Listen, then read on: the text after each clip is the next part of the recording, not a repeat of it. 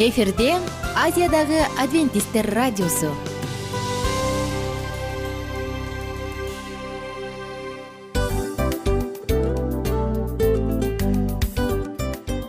Достор салют.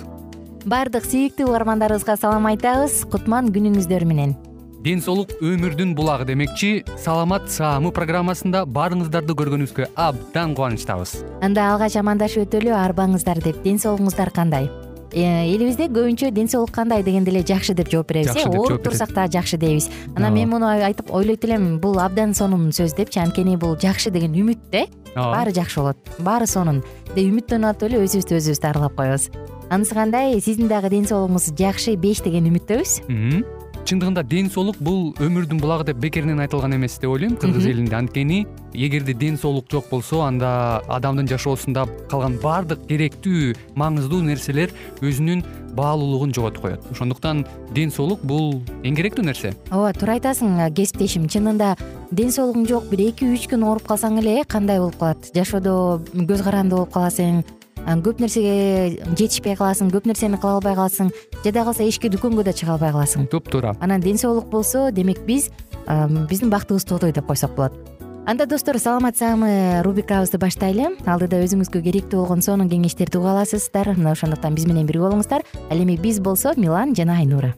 Кеттик алга. Алга саламат саама ден соолуктун жарчысы. Саламат саама ден соолуктун ачкычы. Күн сайын сиз үчүн мыкты кеңештер сонун жаңылыктар кызыктуу фактылар. Биздин рубрикада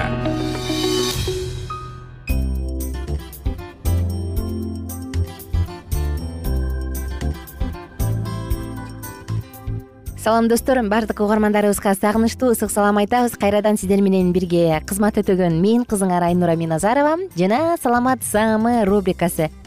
Саламаттуу дене цикли андан ары уланат жана бүгүнкү темабыз дагы эң сонун анын аталышы мээ үчүн азык достор бүгүн сиздер менен акылдын азыгы жөнүндө сөз кылабыз. Балким сиз э, баягы ар кандай бир нерсени таанып билүүчү адабияттар ой жүгүртүү ар кандай терең темаларга сүйлөшүү жөнүндө ойлонуңуз болуш керек. Эгерде сиз дагы а демек сүйлөшөт экенбиз адабият окугула дейт экен десеңиз анда жаңылышасыз. Анткени бүгүн сиздер менен биз мээни азыктандыруучу азык түлүк жөнүндө сөз кылабыз. Бул түзмө түз мааниде достор негизи организм акылбы денеби кандай гана учур болбосун тамак аштан көп нерсе көз каранды эмеспи. Анан бизде сонун сөз бар го биз эмнени жесек ошолбуз деп. Бул фразаны уксаңыз керек. Чындыгында биз эмне тамак жесек ошого жараша мээбиз иштейт ошого жараша ден соолугубуз болот. Биздин теманы угуп жатып биздин ар бир программаны угуп жатып мурунку уктуруулардан эсиңизде бар болуш керек. Колдон келишинче антиоксиданттарга бай тамак аш жеш керек деп. Эми андан ары улантары. Мээ өзүнүн оор жумушун аткарууда сөзсүз түрдө көп кислород талап кылат. Мына ошондуктан биздин мээбизде нейрондордо көптөгөн эркин радикалдар пайда болуп баштайт. Дал ушул эркин радикалдарды нейтралдаштыруучу антиоксиданттар. Эми болсо эгерде антиоксиданттар жогорку айтылган эркин радикалдарды нейтралдаштыра албай калса анда альцгеймер жана паркинсон сыяктуу оорулар пайда болот достор бета каротин с е витаминдери өсүмдүк пигменттери антоциан жана хлорофилл мунун баардыгы тең антиоксиданттар. Алар биздин нейрондорду коргошот алар биздин эркин радикалдардын баардыгын тең нейтралдаштырышат ошондуктан денеде канда канчалык оксидант көп болсо ошончолук эс тутум жакшы болору дагы аныкталган. Е витамини бул авокадода көп. Сизде авокадо жегенге мүмкүнчүлүк жок болсо андан азыраак миндальды зыгырдын үрөөнүн семечкасын жеңиз ашкабак жеңиз жана жашыл салат жалбырактарын жеңиз. Булардын баардыгында тең сонун. Сонун антиоксиданттар е витамини бар. Жогоркуда айтылган авокадо салат жалбырагын миндальды зыгырдын семечкасын баардыгын тең аралаштырып туруп ага бир чай кашык кунжут майын куюп койсоңуз о кандай гана сонун таттуу болот жана достор черника кара моюл деп коет эмеспи. Кара бүлдүркүн кызыл кат кара карагат зайтун майы ушул азыктардын баардыгы антоциандарга табигый пигменттерге бай. Алар антиоксиданттык таасирге ээ. Ошондой эле с витамини көп. Сонун мөмө жемиштерди жашылчаларды жеңиз. Цитрус өсүмдүктөрүн брокколи жеңиз.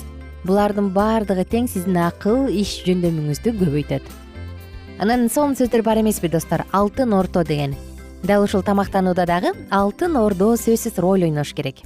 Ашыкча тойбош керек жана ачка калбаш керек.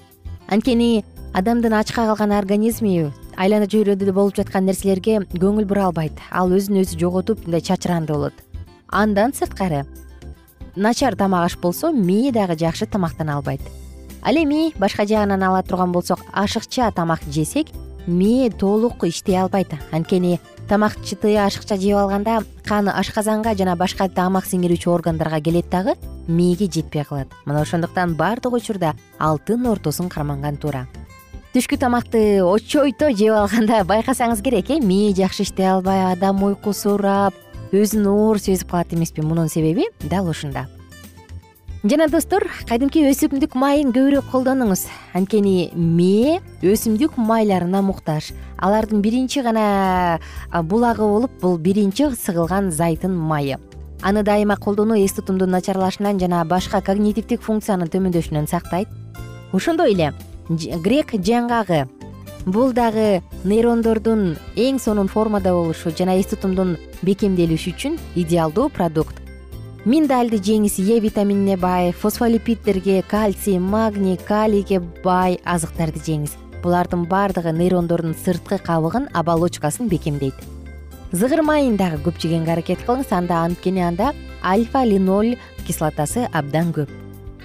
Ал эми малдын майы жөнүндө сөз кыла турган болсок малдын майы тескерисинче мээнин кан тамырларында майдын жана холесатериндин топтолушуна алып келет натыйжада мээ түз эле мааниде майга калкып калат. Майдын малдын майын дайыма туруктуу колдонуу адамдын эрте эс тутумунан ажырашын альцгеймер оорусун эртерээк чакырат.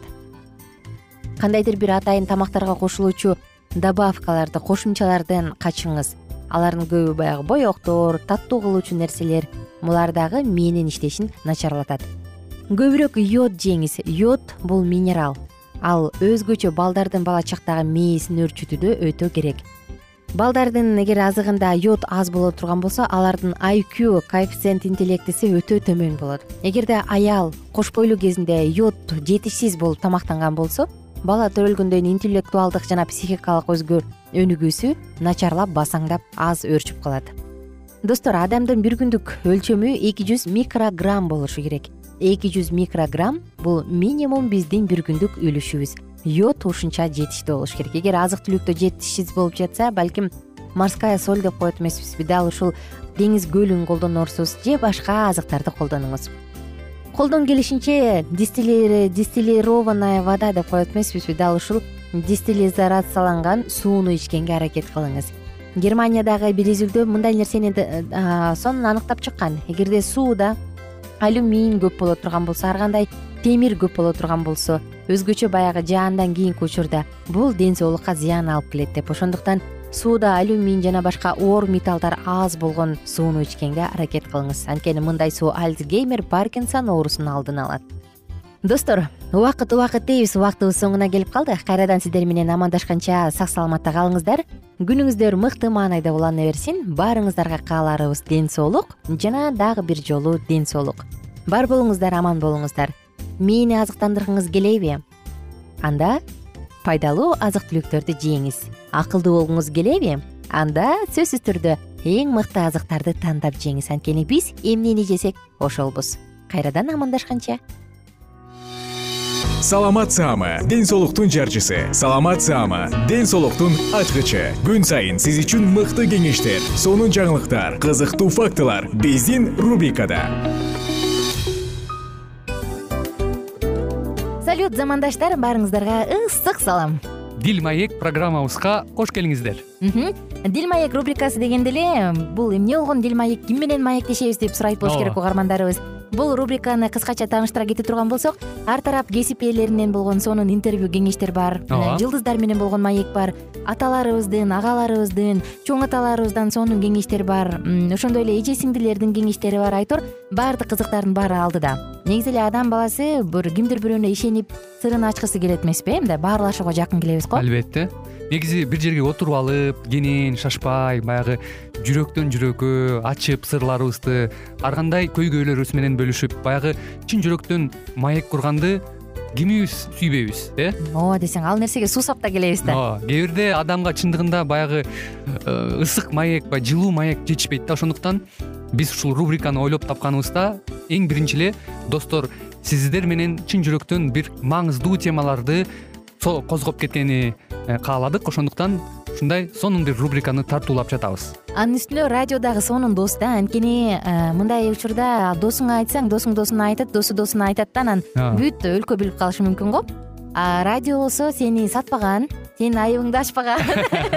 Сенин сырыңды эч кимге айтпаган сонун дос ошондуктан биздин алдыдагы айта турган кеңештерибизди биздин досторубуздун кеңештерин угуп анан ал жака пикириңизди дагы калтырып кайрадан биз менен байланышсаңыздар болот. Деги эле жашооңузга эгерде кичине болсо дагы өзгөрүү алып моралдык жактан нравовик жактан сонун бир кеңештерди алсаңыз демек биз максатыбызга жеттик. Ооба. Чыңгыз атабыз улуу жазуучу э, чыңгыз айтматов айткандай адам болуу бул күнүмдүк процесс экен. Күн сайын адам бойдон калуу бул адамзатка эң эле кыйын дейт э? э эң кыйын дейт. Чындыгында бунун негизинде адамдын эң баягы сапаттуулугу адамдын э, адамгерчилиги жана көптөгөн керектүү нерселер. Мына ошол темалар дагы бизде э, ушул дил маекте биз аларды да козгойбуз. Ден соолук жөнүндө да сүйлөшөбүз. Сөзсүз түрдө анан милан мырза негизи айтып коюшат го. Биз көбүнчө эмнени ойлонсок? Ошол нерсеге карата иш кылабыз го. Ооба. Анан анысы кандай? Балким бул радио баракчада кимдир бирөөнүн оюн текшергенге жардам берет кимдир бирөөнүн жүрөгүн текшергенге жардам берет. Балким кимдир бирөөгө жашоонун маңызын тапканга жардам берет. Айтор кызыктын баары алдыда бул жөн гана кыскача жарнама анда угармандарыбыздын баардыгын кийинки рубрикабызга чакырабыз. Ал эми кызматта маңдайымда отурган кесиптешим милан жана мен айнура. Анда эмесе биз даярдаган терең терең ойлор менен таанышууга кеттик. Алыс алыс баралык. Анда эмесе достор биз менен бирге болуңуздар. Алдыда эң кызыктуу маалыматтардын баардыгы бир нече мүнөттөр бою жалгыз гана сизге арналат. Мына ошондуктан жакшы маанай менен угууну каалайбыз. Үн алышканча жөнөдүк.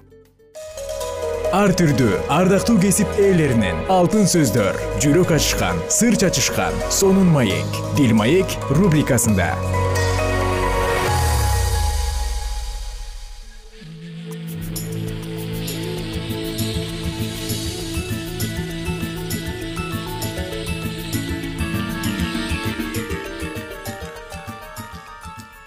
саламатсыздарбы кымбаттуу радио угармандарыбыз. Кайрадан эле сиздердин назарыңыздарда кыргызстанга саякат аттуу берүүбүздө кездешип жатканыбызга өтө кубанычтабыз. Бүгүнкү программабыздын чыгарылышында биз кыргыздын улуттук кийимдери туурасында сүйлөшмөкчүбүз. Андыктан биздин толкундан алыстабай биз менен биргеликте болуңуз.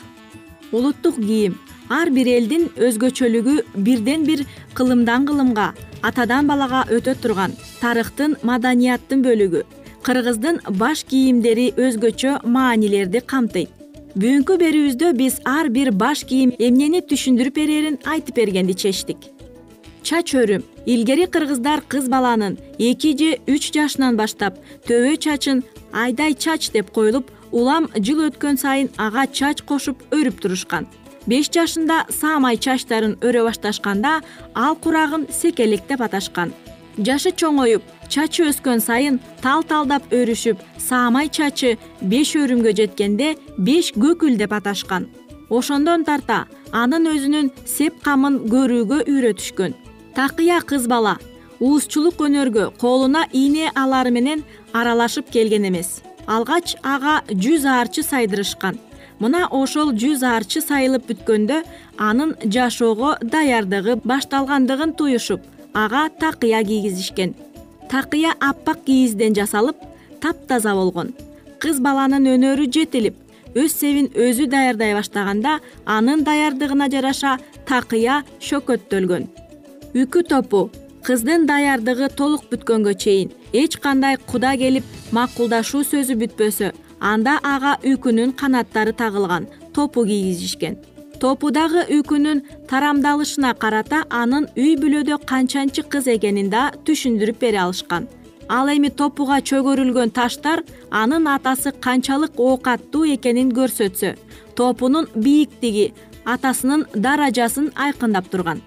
Шөкүлө эгер кыздын себи даяр болуп айрым учурда даяр эмес мезгилинде деле кайын журту калыңын өткөрүп койсо андай кыздар башынын бош эмес экендигин билдирип шөкүлө кийишкен эң кызык жери шөкүлөдө чолпу чач учтуктар кыздын бара турган жеринин канчалык бай жана мансаптуу экендигин билдирип турган ошондуктан кайын журту шөкүлөнү даярдоо өздөрүнүн болгон жакшы сапаттарын белгилеп кетишкен. Бул эки айылдын уул кыздары биригип кыз оюн курганда кыз менен жигиттин өз ара пикир алмашуусуна өтө ыңгайлуу шарт түзүү менен алардын кимисинин башы бош кимисин кайындап койгон жери бар экендигин баш кийимдер сүйлөп беришкен. Шөкүлө салт боюнча кийинки сиңдилерине сакталган демек кыз турмушка чыккан жерине кийип барып үч төрт күндөн кийин шөкүлөнү кайра ата энесинин үйүнө жиберишкен. Колуктулар кийген элечек. Кыргыз кызы турмушка чыккан соң элечек кийип калган.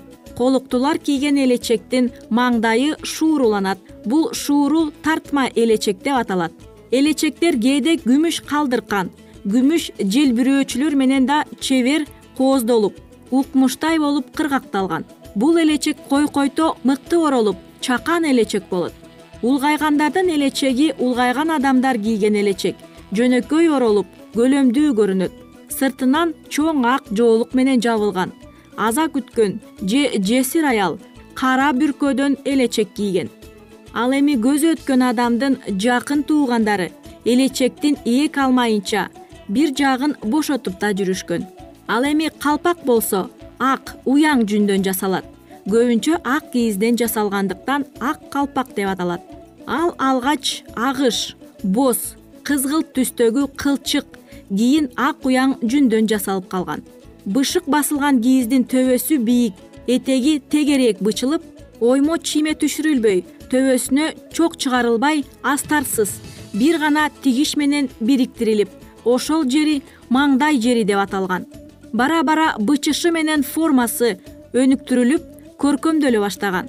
Кыргыз өмүрү канча кылымга созулса кыргыз калпагынын өмүрү да дал ошол узак уламайлуу санжыра.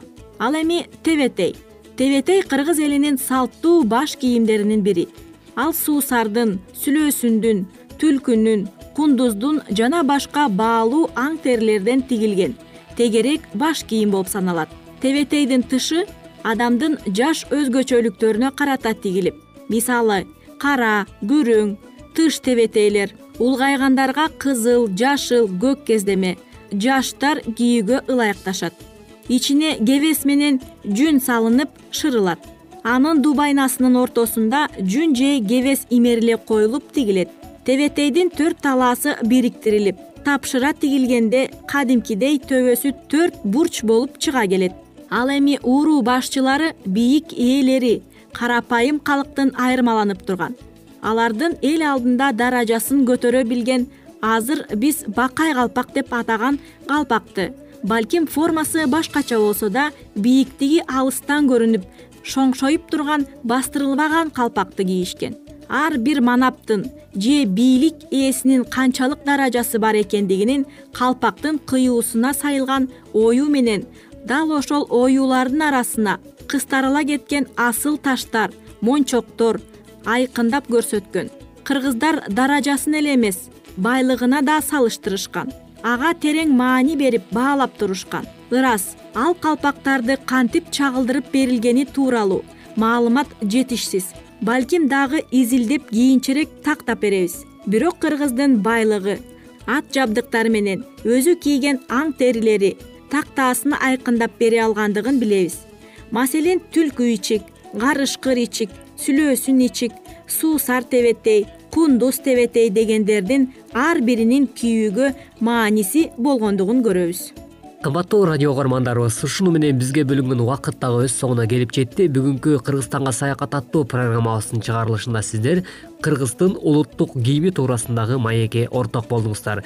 Бүгүнкү уктурууга назар салганыңыздар үчүн ыраазычылык билгизүү менен биз сиздер менен коштошобуз. Кийинки берүүдөн кайрадан эле дал ушул ободон үн алышканча сак саламатта болуңуз ар түрдүү ардактуу кесип ээлеринен алтын сөздөр жүрөк ачышкан сыр чачышкан сонун маек дил маек рубрикасында.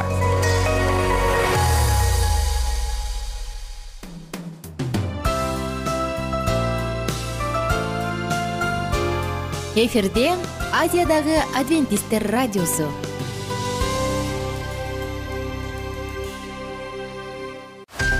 жан дүйнөңдү байыткан жүрөгүңдү азыктанткан жашооңо маңыз тартуулаган жан азык рубрикасы.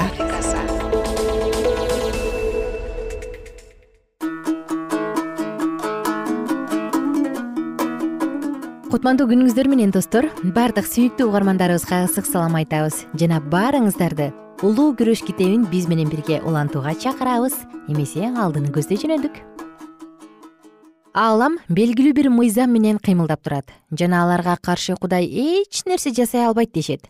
Мына ушундайча теңирди өз мыйзамына баш ийүүчү каалашат баш ийүүчү кылышат. Жана кудайдын мыйзамдары кудайды өзүнө баш ийдирип жаткан сыяктуу ой жүгүртүшөт. Ушул сыяктуу окутуулар мукадастын күбөлөндүрүүлөрүнө карама каршы келет. Машаяк жана анын шакирттери керемет жасашкан жок беле. Бүгүн дагы ырайымды куткаруучу тирүү жана ар бир айтылган сыйынууларга ал жер үстүндө жүргөн кезиндегидей эле жооп берип кереметтерди көргөзүп келет. Болуп жаткан нерселер жогорку нерселер менен байланышып турат. Биздин сыйынган сыйынуубузга жооп бергендигинин бири бул ансыз биз кудайдын оюнун бир бөлүгүн кабыл албайт болчубуз. Бүгүнкү күндө машаяк жолун жолдогон жыйындардын арасында канча деген ойлонуп табылган ой жүгүртүүлөр жалган окутуулар бийлик кылып келүүдө. Кудай сөзү менен тургузулган бир эле негизди бузуу канчалыктуу кыйратуучу залакасын тийгизе тургандыгын элестетүү мүмкүн эмес. Мындай кадамга барган адамдын кээ бирлери гана кандайдыр бир чындыктарды өзгөртүп койгондугуна ыраазы болуп калышат. Көпчүлүгү түгөл кайырдын болуп калмайынча чындыктарды биринин артынан бирин бузушат. Баардыгына маалым болгон теология көпчүлүк адамдарды мукадастын чындыктарынан алыстатып. Ар бир нерселерге сын көз караш менен караган скептиктерге айландырды. Ырайымдуулук боорукердик жана адилеттүүлүк бул улуу байлыктар. Жана качан адамдарга уктардын мукадастын алдына тебеленди кылып жатасыңар деп кеңеш бере берсе ал адамдар акыры кудай сөзүнөн өз жүзүн буруп кетишет.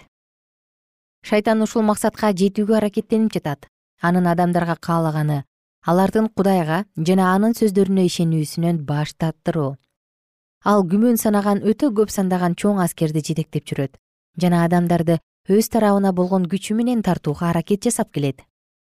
Ишенбестик модага айланды. Көп сандаган адамдар күнөөнү ачып жана айыптап тургандыктан кудай сөзүнө жана анын авторуна күмөн саноо менен карашат. Ким кудайдын талаптарын аткаргысы келбесе анын авторитети менен байланышын үзүүгө аракет жасайт. Мындай адамдар кандайдыр бир ката табыш үчүн гана кудай сөзүн окушуп жана насаатчынын сөзүн угушат. Өз милдетине илең салаң көргөзгөндүгүнүн айынан аны жаап жашырыш максатында көп адамдар кудайдан алысташып кетишүүдө. Башкаларды болсо ишенбестикке текебердик жана бекерпоздукка алып келет. Жеңил жашоону самагандыктан алар талап кылынган өз кызыкчылыктарынан баш тартуу жана кандайдыр бир күч жумшоону каалашпайт. Сыйга татырлык эч нерсе жасаша алышпайт. Жана мукадасты сынакка алышып өздөрүн акылдуу кылып көргөзгүсү келишет. Ошондуктан мындай топко таандык адамдар сындоо үчүн бир шылтоо таап турат. Ал эми башкалар болсо ишенбеген скептик адамдар тарапта болууну жакшы көрүшөт. Бул адамдардын ичиндеги чыныгы оюн текебердик жана өзүн жогору көтөргөндүк жашырып турат алардын көпчүлүгү адамдарды бир бурчка алып келе турган ыйык жазуудан аяттарды таап аларды колдонгондон чоң кумар алыша тургандар. Кээ бирлери башталышында талам тартышты жактырышкандыктан сыноолорго жана тийишүүгө катышат жана ошону менен капаска кабылганын байкашпайт. Бирок бир жолу өздөрүнүн ишенбестигин моюндарына алгандан кийин ушул көз караш алардын милдети катары эсептешет ушундайча мындай адамдар адилетсиздер менен биригишип өздөрү үчүн ачылып турган бейиштин эшигин жаап салышат. Теңир өз сөзүндө өзүнүн кудайлык кудурети жөнүндө көп сандаган далилдерди калтырган. Биздин куткарылуубузга тийиштүү болгон улуу чындыктар ачык айкын берилген. Чын жүрөктөн аны издеген адамдардын бардыгына убада кылынган ыйык рухтун жардамы менен ар бир адам өз алдынча ушул чындыктарга жетише алат кудай адамдарга өз ишенимине негизделе турган бекем негиз берген. Бирок адамдын чегерилген акылы чексиз кудайдын каалаганын жана пландарын түшүнө албайт. Изилденүү менен биз эч качан кудайды таба албайбыз. Анын улуулугу жаап койгон көшөгөнү өзүнө ишенген кол менен ачууга аракеттенүүнүн кажети жок. Элчи мындай деп айтат. Анын чечимдери кандай кол жеткис жана жолдору кандай таанып билгис? Римдиктер он бир отуз үч. Биз менен кошулуп чексиз сүйүү жана кудуреттүү күч аракеттенип жаткандыгын биздин түшүнүүбүз зарыл. Биздин асмандагы атабыз баардыгын даанышмандык жана адилеттүүлүк менен башкарып жатат.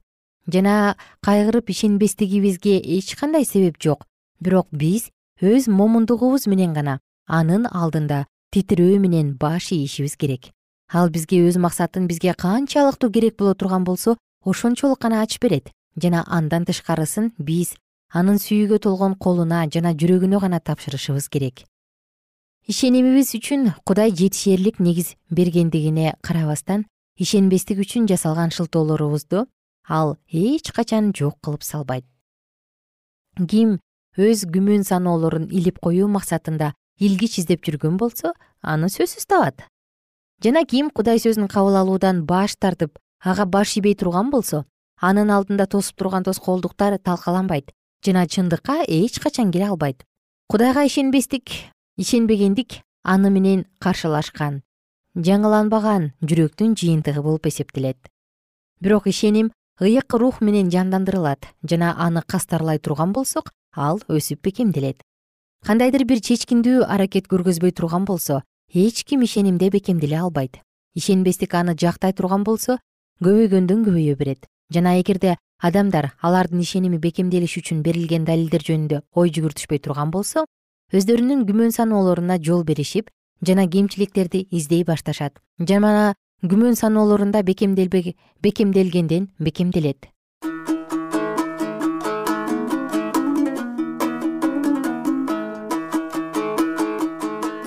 кымбаттуу угарман. Бүгүн сиздер менен дал ушул жерден токтойбуз. Жана маанилүү керектүү эң кымбат болгон окуяларды чындыкты кийинки уктурууда улантабыз. Биз менен бирге болуңуздар күнүңүздөр мыкты маанайда улансын. Ар бириңиздерге кааларыбыз түбөлүк чындык. Бар болуңуздар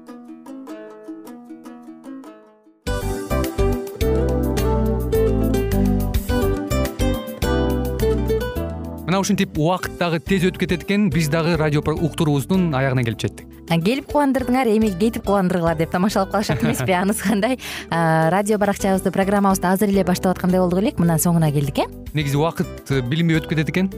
Мен дагы э, убакыт дегенде бүгүн бир адам менен сүйлөшүп калдым. Анан убакыт бул мүмкүнчүлүк деп айтып өзүмө өзүм айтып алып анан мага өзүмө эле кайра ачылыш болду да чын эле Э, карап отурсаң ошол эле жыйырма төрт саат ошол эле жарым саат кайталанып атат. Бирок сендеги мүмкүнчүлүк жок ошол кой берилип кетти? Анысы кандай? Бүгүнкү сонун убактыңызды алтындай болгон жарым саатыңызды бизге бөлүп арнаганыңыз үчүн ыраазычылык айтабыз. Анан жашооңуздун кайсы бир сферасын өзгөртө турган сонун пайдалуу кеңеш алган болсоңуз анда биз максатыбызга жеттик. Анан ушул нерсени кылбасам десеңиз ошол өзгөрүүлөрдү кичинекей кадамдардан баштап иш жүзүнө ашырыңыз дагы жашооңузда чоң чоң ийгиликтерге жетиңиздер чын жүрөктөн ар бир берилген кеңештер сөздөр сиздерге пайдасын алып келет деп ишенебиз. Жана кийинки уктурууларда сөзсүз түрдө чыдамсыздык менен сиздерди күтөбүз. Сагынычтуу салам айтып кайрадан дал ушул жыштыктан баардыгыңыздарды тосуп алганча. Кызматта мен айнура жана кесиптешим милан. Анда кол булгалайбыз жалпыңыздарга ийгиликтүү күн. Саламатта калыңыздар